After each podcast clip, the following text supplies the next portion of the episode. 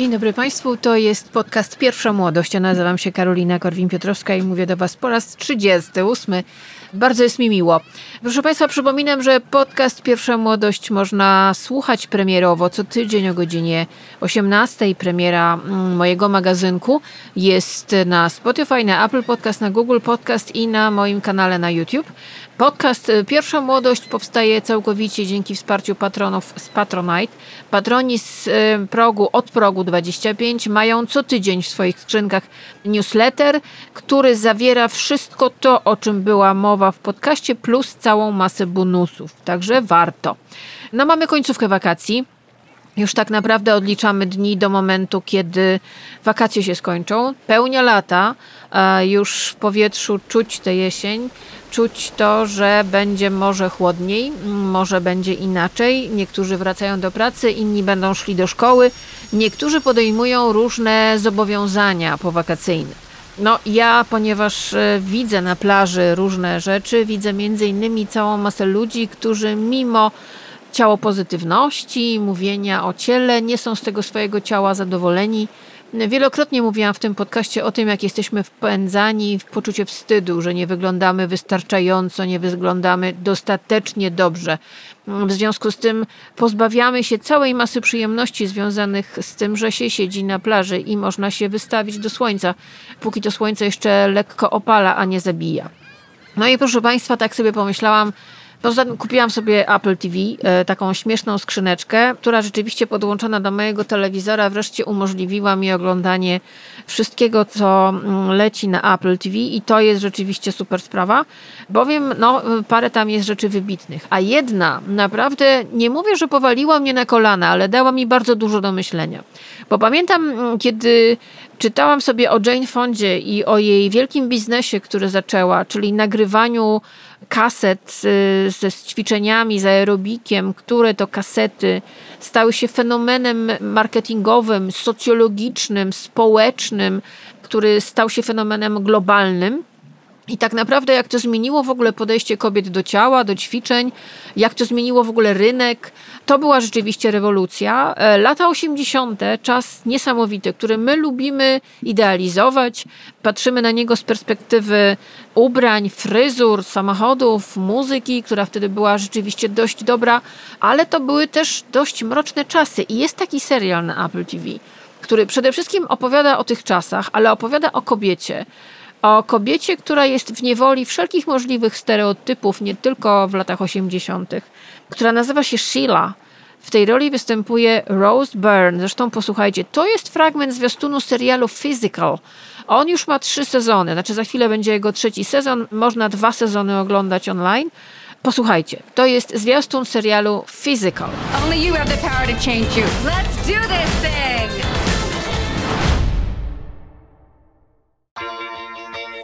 Today you will eat clean, healthy foods. After school drop off, you will go directly to ballet class. I will have a nice day. Babe, the coffee? I will eat clean, healthy food. Three famous cheeseburgers, three large fries, and a chocolate shake. Thanks. After school drop off, Mama. Oh. I will go to ballet class. It's closed. I will have a nice day. Professor Rubin is getting fired.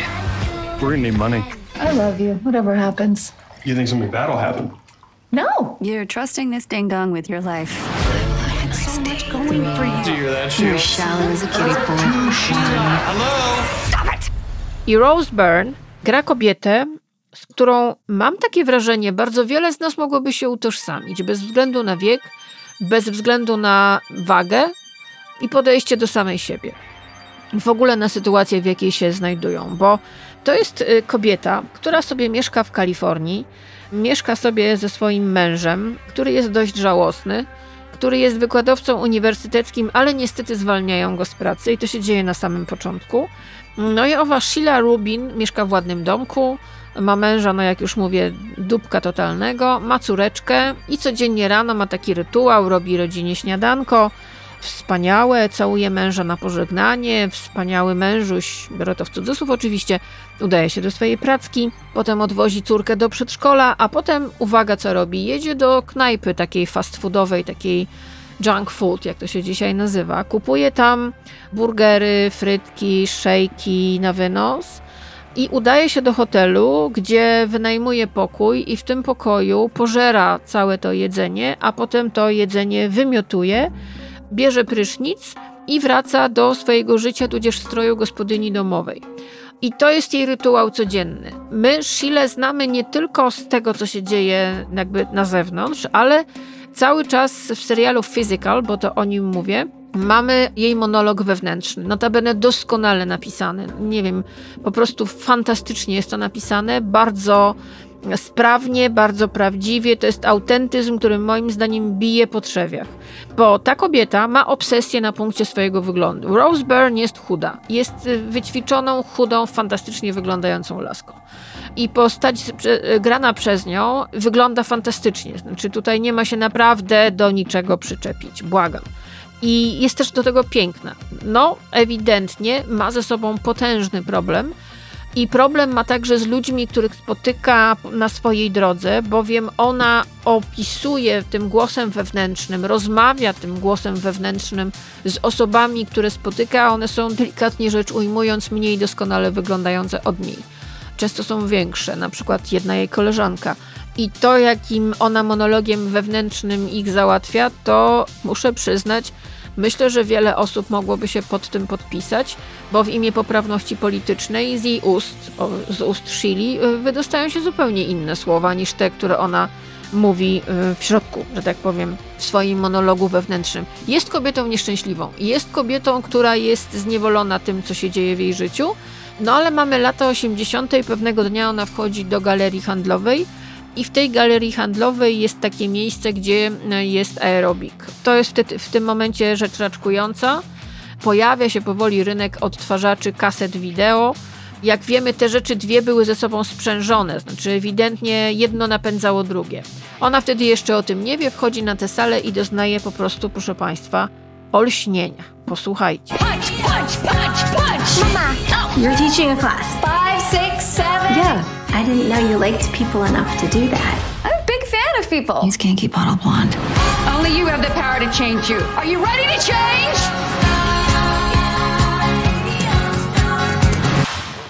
Are you feeling better? feel more awake than I have in No właśnie, w międzyczasie okazuje się, że jej cudowny, wspaniały mąż, wykładowca mm, uniwersytecki, zostaje wyrzucony z pracy i na co się decyduje ów Denny? Otóż mm, Denny postanawia zostać politykiem, ekologiem do tego, chce bronić dobrostanu Kalifornii.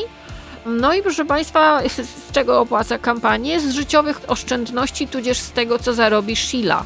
Mm, więc mamy kolesia, który w latach 80. cynicznie żeruje na swojej żonie, która to żona nie dość, że codziennie rano musi robić mu to śniadanie i odwozić córkę do przedszkola, no to jeszcze musi zdobyć te pieniądze. I do tego jeszcze ta kobieta ewidentnie, o czym on oczywiście nie wie, bo zaczyna być zapatrzony w taką jedną swoją sprytną studentkę, do tego jeszcze ona ma no, narastający problem z jedzeniem. Znaczy ona w domu prawie nie je, no bo jak już powiedziałam wcześniej, udaje się do hotelu, do jednego z moteli, gdzie pożera jedzenie, które kupuje w junk foodzie i wymiotuje. I na zewnątrz jest wspaniałą, cudowną, wszyscy jej zazdroszczą sylwetki, wszyscy jej zazdroszczą wyglądu, ale ona ma cały czas problem ze sobą. To, jak ona o sobie mówi do siebie w tym monologu wewnętrznym, to jest naprawdę potworne. Ale myślę, że bardzo wiele osób tak do siebie mówi, niestety. I jeżeli myślimy, że złe myślenie o naszym ciele i złe postrzeganie naszego ciała i naszej fizyczności to jest rzecz niedawna, no to mamy tu opowieść z lat 80., kiedy buduje się, kiedy rodzi się moda na fitness. Chcecie wiedzieć, co myślą o Was Wasze trenerki aerobiku i fitness? No to obejrzyjcie sobie serial Physical, bo to jest serial, który mówi o psychice tej dziewczyny, o tej kobiety. Te refleksje, które ona snuje, bardzo ostre, bardzo ironiczne, dzisiaj powiedzielibyśmy hejtuje, no nie no, ona po prostu opisuje tę rzeczywistość tak, jak ona widzi, a ona widzi rzeczywistość bardzo pokrzywioną. Dla niej każdy jest gruby, dla niej każdy jest obleśny i te wewnętrzne obserwacje o świecie są bardzo celne. Są też autodestrukcyjne. Ta, ona jest kobietą bardzo autodestrukcyjną, do czego się oczywiście nie przyznaje, czego oczywiście nie zauważa i ten fitness, którego ona się w pewnym momencie łapie i zaczyna być instruktorką fitnessu, staje się, to jest bardzo częste zresztą, sposobem na to, żeby mieć kontrolę nad swoim życiem. Nad y, nie tylko swoim ciałem, ale w ogóle swoim życiem, swoim czasem na przykład. No bo ten mężuś po drodze tam tę karierę polityczną próbuje robić, oczywiście za pieniądze żony, żeby było, żeby było zabawnie. Ale trzeba przyznać, ona w tym 1981 roku, bo wtedy zaczyna się ten serial, trafia do, do zupełnie nowego świata i ten świat absolutnie zmienia jej postrzeganie rzeczywistości i zaczyna, uwaga, budować imperium. Ten serial ma dwa sezony na Apple TV. Pod koniec pierwszego zaczyna się budowanie czegoś. Nie chcę wam za dużo zdradzać, ale no, to jest taka droga, która wtedy była dość częsta. Zresztą no, Jane Fonda przetarła szlaki, wydajemy jedną kasetę i potem zaczyna być ich coraz więcej. Tam się pojawia też problem piractwa, pojawia się problem prawa autorskiego, prawa do pomysłu, prawa do treningu, ale generalnie to jest w ogóle opowieść moim zdaniem, którą ja połknęłam, która zasysa. Notabene, słuchajcie, Rose Byrne, no to jest moim zdaniem rola życia, ale co jest też e, bardzo ciekawe, reżyserem tego serialu jest Craig Gillespie, który wyreżyserował film pod tytułem Ja Tonia, Jestem najlepsza, Ja Tonia, o słynnej mm, e, łyżwiarce figurowej. Tam też główna postać kobieca, bardzo kontrowersyjna, bardzo skomplikowana. Notabene grała ją Margot Robbie, obecnie w Barbie, więc on umie pokazywać na ekranie, umie reżyserować historie, gdzie bohaterkami są kobiety, które nie są oczywiste. I tutaj mamy Rose Byrne, którą oglądaliśmy między innymi w roli Groli Steinen. No to jest jedna z takich fajniejszych, charakterystycznych, ale też jednocześnie bardzo seksownych aktorek. Ona zasysa ekran. To jest jej rola życia. Bardzo skomplikowana, bardzo trudna, bardzo niejednoznaczna, ponieważ my tak naprawdę nie wiemy, jaką ona ma relację z tym mężem. My tak naprawdę nie wiemy, jak ona traktuje jak ona rzeczywiście pojmuje te swoje koleżanki, które się tam pojawiają, szczególnie jedna, której kradnie kamerę wideo, żeby móc nakręcić swój trening fitness. Naprawdę, tak naprawdę to też jest w ogóle taka instrukcja budowania biznesu Arebur. Bo ona to zaczyna naprawdę od niczego. Ona naprawdę robi to z ludźmi, którzy są absolutnie przypadkowi, ale czuje powiew wolności, jakiś wiatr w skrzydłach, takiego, którego nie miała od lat. Ewidentnie ona rozkwita. Nie będę wam spoilerowała, co się dzieje w drugim sezonie, ale no naprawdę to jest instrukcja budowania biznesu medialnego, nie tylko fitnessowego, ale w ogóle każdego.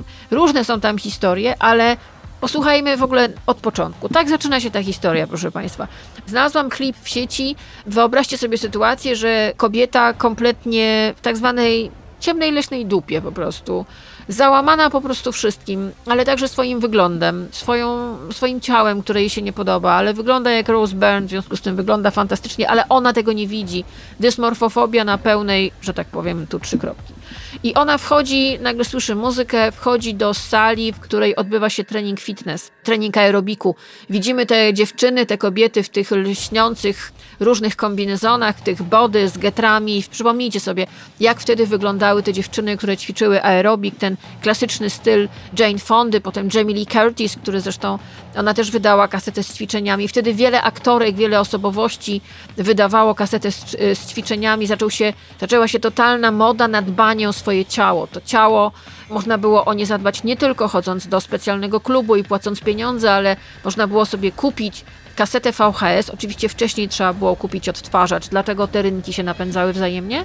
I w zaciszu domowym, na podłodze, przed telewizorem ćwiczyć. Ile się chciało, w jakim rytmie się chciało, to dawało kobietom pewną wolność. To, że po latach myślimy, że to było złudne, to my już wiemy z perspektywy 2023 roku, ale to jest początek lat 80. i to jest początek, to jest wybuch rewolucji na wielu poziomach społecznej, marketingowej, feministycznej też, bo to dało kobietom też władzę nad ciałem. Powstało też wtedy, to jakby historia y, Rose jest e, charakterystyczna, historia Shili, przepraszam, granej przez Rose Byrne jest charakterystyczna. Wtedy bardzo wiele kobiet budowało też swoje biznesy na bazie właśnie fitnessu, na bazie, na bazie dbania o ciało i potem rozbudowywały swoją, że tak powiem, dzisiaj to się nazywa marka osobista, wtedy tego tak nie nazywano. Zresztą, no właśnie, no posłuchajcie. Ona wchodzi do tej sali, słyszy muzykę. I tak zaczyna się serial Physical. Oczywiście patroni z Patronite'a dostaną ode mnie link. Warto to zobaczyć. Uwaga, to bardzo wciąga. You ready to do this thing? And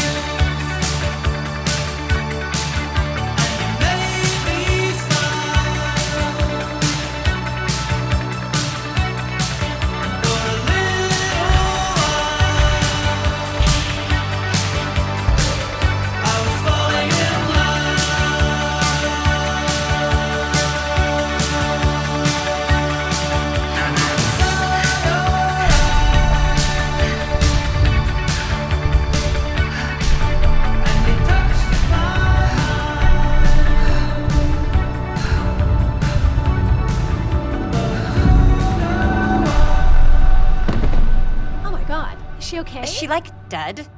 Should we like call security or whatever? Bohaterka serialu Physical, grana przez Rose Byrne, fenomenalnie, ma też problem z wiekiem. Tam jest taki motyw, że jej mąż zaczyna się interesować studentkami, szczególnie jedną. Na przykład ta studentka mm, taka jest milutka, taka słodziutka, wiecie jak to jest. A potem okazuje się, że no, no właśnie. No i mam w ręku książkę, którą zobaczyłam najpierw na Instagramie mojej serdecznej koleżanki Katarzyny Kasi i pomyślałam sobie, muszę to mieć. Sprowadziłam to sobie i myślę sobie, ale to jest fajne. Książka nosi tytuł, uwaga, uwaga, trzymajcie się bardzo mocno, krzesełek, na których siedzicie. Kryzys wieku średniego, poradnik filozoficzny. Wydała to Kultura Liberalna. Książkę napisał Kiron Setia, chyba tak się go czyta. I to jest, proszę Państwa, o tym, że filozofia, czyli dla niektórych coś bardzo trudnego i nieosiągalnego, może być jednak jakimś narzędziem, jak tutaj czytam, w radzeniu sobie z trudnościami towarzyszącymi tak zwanemu kryzysowi wieku średniego, który, jak przekonuje autor, może przyjść nadspodziewanie wcześnie.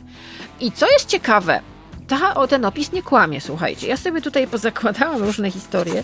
Znaczy, w ogóle zacznijmy może od spisu treści, bo on jest bardzo ciekawy.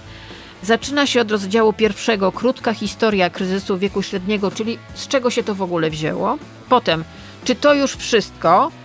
Trzeci rozdział, życie mnie omija. Rozdział czwarty, retrospekcja. Rozdział piąty, coś na co warto czekać. I rozdział szósty, żyj tu i teraz. Bardzo ciekawe są przypisy i przypisy do przypisów, radzę sobie poczytać. Mała, wesoła książeczka, znaczy wesoła, powiem tak, bardzo ciekawa. Bardzo ciekawa, ponieważ ona opisuje coś, co praktycznie każdy z nas zna, albo zaraz pozna, albo sobie przeczytał. Na przykład mamy tutaj stronę 56, rozdział Czy to już wszystko? I autor pisze tak. Nazwijmy to pierwszą zasadą unikania kryzysu wieku średniego.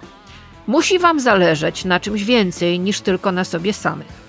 Jeśli zależy Wam tylko na własnym dobrostanie, jeśli jesteście całkowicie zaabsorbowani samymi sobą, to niewiele rzeczy Was uszczęśliwi. W najniższym punkcie krzywej U, gdzie zadowolenie z życia szczególnie trudno znaleźć, warto przemyśleć ten fakt. Tęsknota za szczęściem, siłą rzeczy, jest w tej trudnej fazie życiowej największa. Paradoks polega na tym, że zamiast za nim gonić, musicie zrobić coś przeciwnego zatroszczyć się o inne rzeczy. Rada ta nie nadaje się do bezpośredniego wykorzystania, ponieważ nie wzbudzicie w sobie miłości do czegoś, co was ani ziębi, ani grzeje. Nie jest jednak bezużyteczna. Możecie zwrócić się ku rzeczom, które dobrze rokują, i z czasem może zacznie wam na nich zależeć, a tym samym zaczniecie zmieniać swoje życie. Kto wie? Może lektura książki filozoficznej o kryzysie wieku średniego roznieci w Was trwałą pasję? Hmm? Ta paradoks hedonizmu, proszę Państwa. I idziemy dalej. Potem mamy rozdział Życie mnie omija. Ja nie ukrywam, rzuciłam się na niego, bo naprawdę wielokrotnie słyszałam już od moich koleżanek od lat, nawet ze 20 lat temu, jeszcze, jeszcze jak pracowałyśmy i w ogóle zaczynałyśmy pracę. Oj, tyle mnie rzeczy ominęło, ile z Zresztą przypomnijcie sobie, no, jak często zdarza wam się coś takiego powiedzieć. No. I to jest rzeczywiście bardzo ciekawa historia, bo tutaj na przykład autor książki Kryzys wieku średniego, poradnik filozoficzny, pisze tak. Kiedy ogarnie nas nostalgia za młodością, mimo że w naszym życiu wszystko idzie dobrze, mądrze jest przypomnieć sobie te rzekomo beztroskie lata szkolne. Niepewność, emocjonalny zamęt, nadzieje i lęki.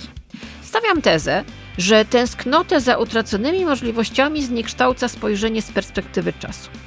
Patrząc ze względnie stabilnego miejsca, projektuję na moją młodość jakąś dozę pewności siebie, która wynika z faktu posiadania ukształtowanej osobowości.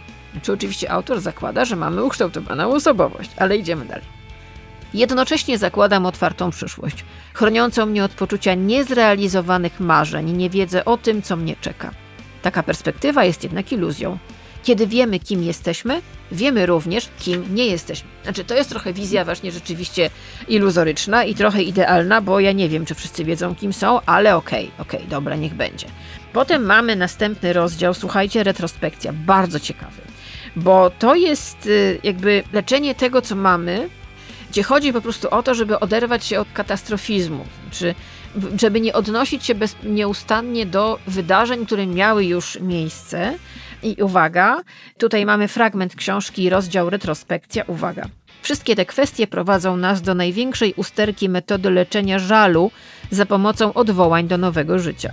W zwyczajnych okolicznościach fortel ten mogą stosować tylko biologiczni rodzice i to przez y, ograniczony czas. Weźmy najbardziej oczywisty wyjątek. Metoda ta nic nam nie daje, jeśli przedmiotem naszego potencjalnego żalu jest decyzja o tym, żeby nie mieć dzieci. Czy filozofia staje po stronie sentymentalnego obrazu dzieci jako antidotum na rozczarowanie, jako jedynego sensownego narzędzia do naprawienia spustoszeń w przeszłości? Czy ludzie bezdzietni i rodzice też mogą znaleźć pociechę gdzie indziej, w czymś, co nie opiera się na pomyślności losu ani wartości prokreacji? Odpowiedź na to pytanie nie należy do łatwych. No właśnie, to jest historia o tym, co się dzieje, jak się nie ma dzieci. Jest na przykład przywoływana Virginia Woolf. Tu w ogóle się pojawiają wielkie postacie filozoficzne, naprawdę, i to się czyta bardzo dobrze. To jest coś, ta, ta książka, Kryzys wieku średniego, to jest rzeczywiście rzecz, którą ja bym polecała wszystkim tym, którzy nawet już po przekroczeniu 20 roku życia myślą sobie, jestem stary, jestem stara, 30 to już w ogóle mogiła, 40 zapomnij, Mariolo, żegnaj moje życie, żegnaj cokolwiek, bo my z jednej strony oczywiście afirmujemy, to, że życie jest piękne do samego końca, a z drugiej strony, no mamy, jak ja widzę na Instagramie te posty 30, no to już koniec, to już w ogóle umieram, no nie wiem, to jest jakaś lekkie rozdwojenie jaźni, no ale ja nie jestem psychoterapeutą ani psychologiem i nie będę was wysyłała do lekarza. Mogę wam powiedzieć jedno, kupcie tę książkę, bo ona jest zabawna, ale też pod pozorami zabawności przemyca bardzo wiele bardzo fajnych rzeczy, które osadzają nas trochę w sytuacji, w jakiej się znaleźliśmy, bo okazuje się, że życie tu i teraz pomaga nam czekać na coś. I nie ukrywam, ja staram się żyć tu i teraz i odkąd to robię, naprawdę mam mniej zmartwień i mam wywalone na coraz większą liczbę rzeczy. Mam nadzieję, że to się będzie, nie, to, że, że to będzie niezmienne, że będę miała poziom wywalenia taki, jaki mam teraz.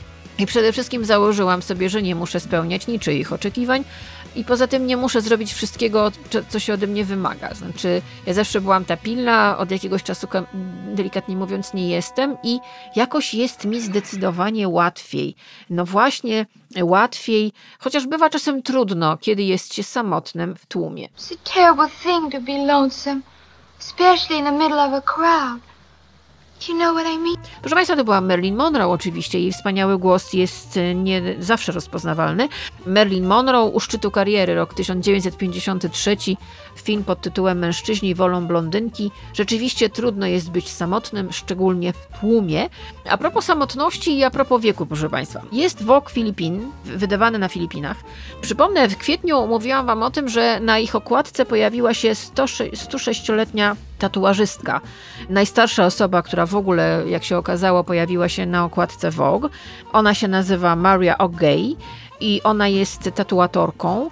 Bardzo piękne robi te tatuaże rzeczywiście i okazuje się, że ona sobie mieszka w górskiej wiosce Buscalan 15 godzin na północ od Manili w prowincji Kalinga. Jest tradycyjną tatuażystką Kalinga i ona ręcznie robi takie specjalne stukane tatuaże. No i 106 lat wylądowała na okładce Woga. Przypomnę, dostaną moi patroni link do tego materiału, jakbyście nie pamiętali, jak wyglądała ta fenomenalna okładka którą cały świat linkował i pokazywał ją sobie. No i teraz uważajcie, filipiński WOK idzie dalej. Oni teraz na okładce swojego sierpniowego numeru zamieścili panią w wieku lat 91. To jest pani doktor Dolores Ramirez. Tytuł tego numeru jest Ladies Who Lounge, The Craft Issue. I ona jest, y, ta pani jest 91-letnią naukowczynią, jest genetyczką. Ona specjalizuje się w hodowli roślin i cytogenetyce roślin. Nie wiem, co to oznacza, brzmi bardzo mądrze. I słuchajcie, pani w, w sukni Karoliny Herrera, okularach vintage Nini Ricci, jest na okładce filipińskiego Woga. Mało tego, słuchajcie, w środku są wspaniałe, patroni dostaną te zdjęcia. Również panie urodzone trochę wcześniej, Między innymi kuratorka i historyczka sztuki Marian Pastor Roques, historyczka kulinarna i orędowniczka dziedzictwa Felis Prudente Santa Maria. Jest tam też szefowa kuchni Via Mare Glenda Barretto i naprawdę te zdjęcia, jakie tym paniom zrobione, są po, zrobiono, są po prostu obłędne. Panie nie ukrywają, ile mają lat, są genialnie wystylizowane. Patrzymy na te zdjęcia i po prostu gęba się uśmiecha. Na razie takie rzeczy w filipińskim wogu, ja mam nadzieję, że kiedyś polski wok w to, w to pójdzie, ale nie będą to tylko krewne i znajome redaktorek tej gazety, ani innych gazet, tylko rzeczywiście zrobicie na przykład research wśród naukowczyń polskich, bo byłoby fajnie, żeby mózg się pojawił na okładkach, a nie tylko ładne buźki. Taki, taki mam tutaj po prostu Taką mam sugestię. No właśnie, taka sugestia, bo patrzę dookoła i widzę, że ten świat zdecydowanie jest totalnie popieprzony. No to teraz Peter Finch. I want you to get up right now and go to the window, open it, and stick your head out and yell, I'm as mad as hell, and I'm not gonna take this anymore! Tak, proszę Państwa, to jest film Sieć z 1976 roku. Kiedyś Wam o nim opowiem chyba więcej. Film Sydneya Lameta, który opowiada o tym, jak robi się telewizję. I to jest Peter Finch, który gra w tym filmie fenomenalną rolę takiego dziennikarza, który pewnego dnia przeżył rodzaj oświecenia i zaczyna mówić prawdę o mediach i o świecie, który nas otacza. I to jest historia o tym, jak media próbują się tego człowieka pozbyć, ponieważ on generalnie mówiąc mówi coś, to jest, co jest w kontrze bardzo. Jest bardzo niewygodny, jest bardzo niebezpieczny oczywiście. Film Sydneya Lameta, który mm, jest z 76 roku, czyli to jest naprawdę szmat czasu temu. Ale to jest film, który pokazuje przede wszystkim mechanizmy emocjonalne ludzi, którzy są u władzy, którzy są na wizji, którzy są znani, którzy są podziwiani, którym się wierzy, ale nagle pokazuje się tam, pojawia się ktoś w ich, że tak powiem, uniwersum, kto podważa tę narrację. Trochę można to przenieść moim zdaniem na dzisiejsze czasy, więc ten Peter Finch, który jest wściekły i ma już dosyć, no trochę mówi nam o tym, e, co się e, w ogóle dzieje w świecie influencingu, proszę Państwa. No bo Dzieciaki chcą być influencerami, generalnie opłaca się być influencerem, przynajmniej teoretycznie, ale wiecie, co to znaczy cake gate? Proszę Państwa, w Wielkiej Brytanii jest coś takiego, co nazywa się cake gate, albowiem pani, która nazywa się Catherine Tilsdale, jest byłą aktorką z serialu Coronation Street. To jest bardzo często oglądany, bardzo znany serial w Wielkiej Brytanii. Ta aktorka organizowała przyjęcie swoje urodzinowe i ona poprosiła piekarnię Three Little Birds w West Yorkshire o zrobienie 100 babeczek na jej 40 urodziny. I teraz uwaga, co proponowała w zamian? Znaczy, to nie było tak, że ona poszła i zapłaciła za te 100 babeczek, to jednak trochę sporo. Nie, ona powiedziała, że wy mi zrobicie babeczki, a ja wam zrobię relacje w mediach społecznościowych. No i czasopismo OK będzie relacjonowało, takie czasopismo o gwiazdach, taki mniej więcej taki, taki magazyn party, nawet nie wiem, czy to jeszcze jest, ale no kiedyś było. Kawiwa trochę, takie coś w tym stylu, no i że tam będzie po- powiedziane, że to od was są te babeczki. No i ta mm, piekarnia, delikatnie mówiąc, nie zareagowała z entuzjazmem na to, że musieliby piec 100 babeczek za tak zwane uściśnięcie ręki, opublikowała w mediach społecznościowych maile, tą wymianę mailową. No i słuchajcie, zaczęła się afera, którą Brytyjczycy nazwali Cake Gate. Nawet się to skończyło i tutaj dlac- dlaczego o tym mówię? Artykułem w The Times, czyli w poważnej bardzo gazecie o tym, co tak naprawdę dzieje się na rynku influencerów i jak bardzo influencerzy z jednej strony są oczywiście potężni i potrafią y, wylansować coś, ale z drugiej strony przesadzają. Ja pamiętam jakiś czas temu była taka historia wiralowa w polskim internecie, gdzie pareczka lekko skretyniałych młodych influencerów poszła do pewnej knajpy na, na Wilanowie. No i tam objechali po prostu kelnerkę, bo w ciągu 10 minut nie przyniosła im zamówienia, bo ona była pierwszy dzień w pracy, coś tam jej się pomyliło i oni zamiast spokojnie się zachować, po prostu zachowywali się jak nadęte, paskudne, parszywe bachory. A za ile tak mniej więcej? Bo jeżeli to będzie 10 minut, to tak szczerze mega słabo. Na pewno nie. 3 minuty? Cztery? A 4 plus 4 to już jest 8, czyli 10. Czego akcja kolejne 40 No bo pani powiedziała, że za 4 minuty będzie, przyszła pani po 4 minutach i mówi, że za kolejne 4 będą. No przepraszam, no na kuchni, dlatego że wzięliśmy wasze zamówienie, jak zamykaliśmy kasę. Dobra, no nie w sensie nie szkodzi, ale... Po prostu nie możecie zostawiać tyle paczek samych. Przepraszam. Mogę wam dać... Rabacik, lubimy Rabacik rabat. będzie spoko, bo koleżanka zjadła, a ja... Mogę wam dać. Bo chodzi o to, że my przyszliśmy nagrać film, że jemy jego ulubione jedzenie i teraz wie pani. Ona nie zjadła? tak. Z jakimiś influencerami? Totalnie. To jeszcze proszę. No. Nie dawajcie mi złej opinii, dobra? To nie też No Charlotte będzie miała złą opinię. po prostu totalnie zmanierowane. Oglądałam ten materiał, bo oni oczywiście to upublicznili, bo to przecież takie fajne jest objechać dziewczynę, która pierwszy dzień była w pracy, coś tam się pomyliła, nie była w ciągu 10 minut, nie wiem skąd w ogóle ten okres czasu 10 minut na to, żeby przynieść zamówienie i oni zgrywali po prostu, to było tak okropne. Totalnie. Mnie po prostu wszystko bolało, jak to oglądałam. No ale okazuje się, że The Times zajął się tą sprawą. Znaczy, generalnie o tym, do czego doprowadzono influencerów, jak bardzo wysoko oni są, że tak powiem, na drabinie społecznej, ale z drugiej strony, że trochę rodzą, robią się też potworami. Totalnie. I uwaga, niejaka Rachel Richardson, która jest konsultantką i komentatorką do spraw mediów społecznościowych i technologii, w magazynie The Times mówi tak.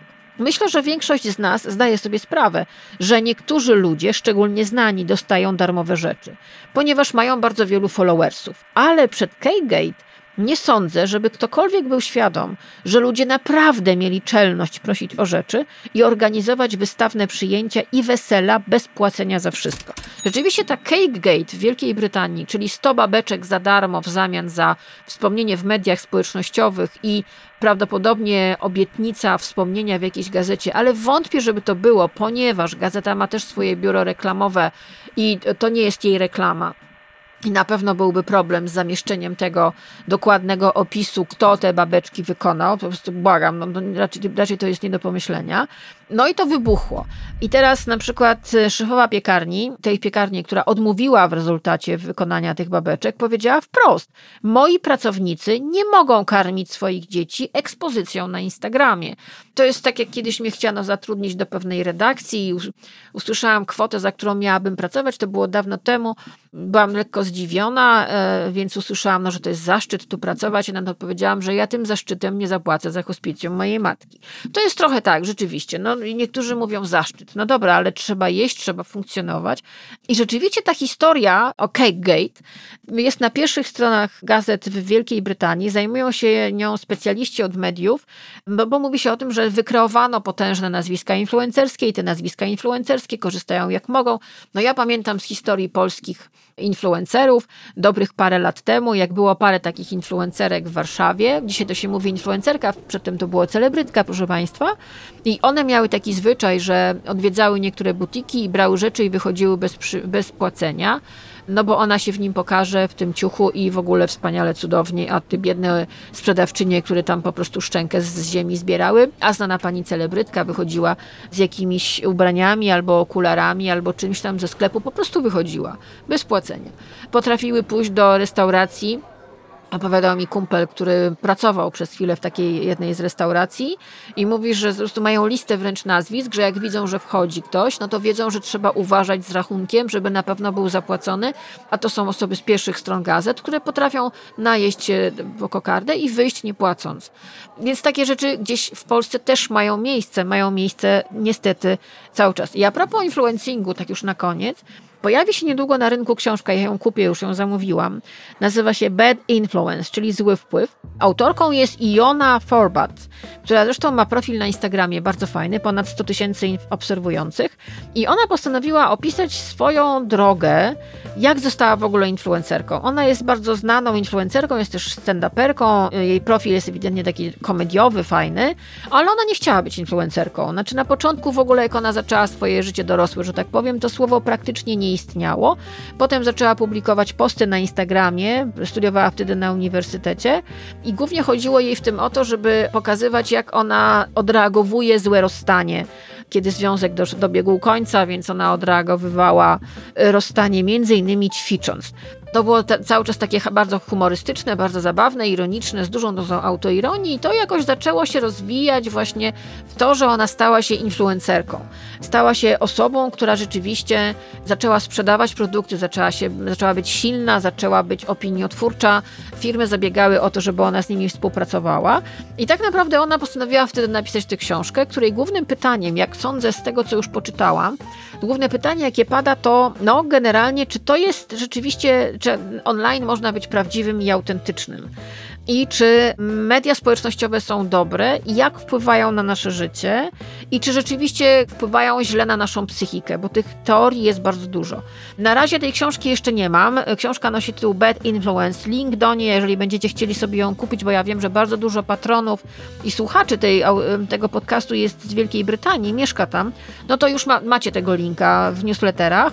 Ja jestem bardzo ciekawa, jakie to będzie, bo z tego co widzę tutaj, jakie są już wstępne recenzje, że jest to bardzo autoironiczne i jest to też jest gdzieś ciepłe i czułe, gdzie opowiada o tym, jak wygląda ten świat influencerów i że wchodzimy rzeczywiście za kulisy świata influencerów z Instagrama. To jest myślę dość ciekawe, no bo jakby nie patrzeć, Instagram, media społecznościowe to jest coś, co bardzo zmieniło nasze postrzeganie świata i na przykład naszą hierarchię ulubionych, bardzo pożądanych zawodów.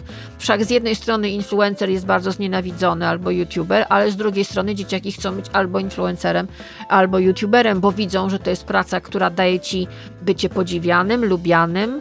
Czasami musisz tym, tą pracą rekompensujesz sobie brak miłości, przytulenia i akceptacji w życiu realnym, więc wchodzisz do internetu i tam cię kochają, wysyłają ci to serduszka i twój poziom samozadowolenia rośnie, bo na co dzień może być bardzo niski, choć udajesz, że wszystko jest świetnie.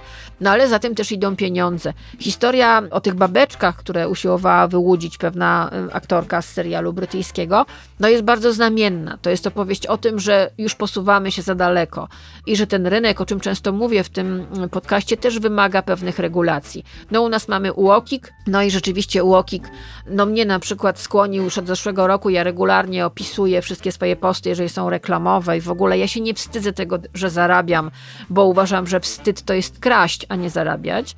I ja to wszystko opisuję, ale jest z tym pewien problem, że ludzie jakby się wstydzili tego, że zarabiają pieniądze na Instagramie, no niektórzy są jak słupy reklamowe, nie będę z litości podawała nazwisk. Rozumiem, że zarabiają bardzo dużo pieniędzy.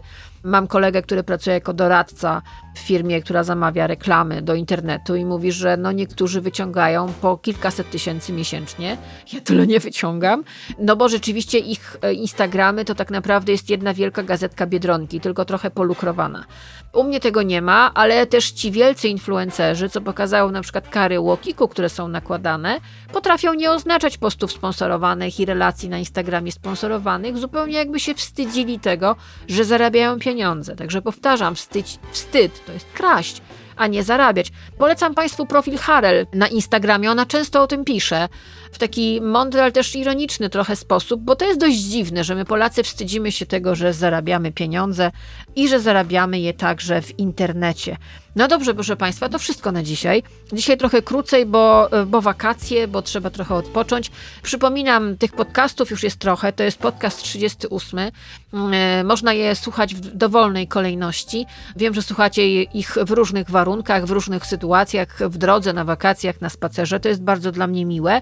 No, pamiętajcie o tym, żeby dbać o siebie i żeby smarować skórę kremem z filtrem, wbrew temu, co opowiadają niektórzy influencerzy. Niedawno to do mnie dotarło a propos influencingu, że są tacy tak zwani influencerzy na Instagramie, którzy oczywiście jakiś czas temu byli specjalistami od y, szczepionek, potem byli specjalistami od oczywiście polityki, po drodze od, emigrant, od od wojny, od Putina, od diety. Oczywiście są też y, specjalistami, biorę to słowo obowiązkowo w cudzysłów, od zdrowia psychicznego, też byli specjalistami od diety, niektórzy wam te diety nawet wciskają.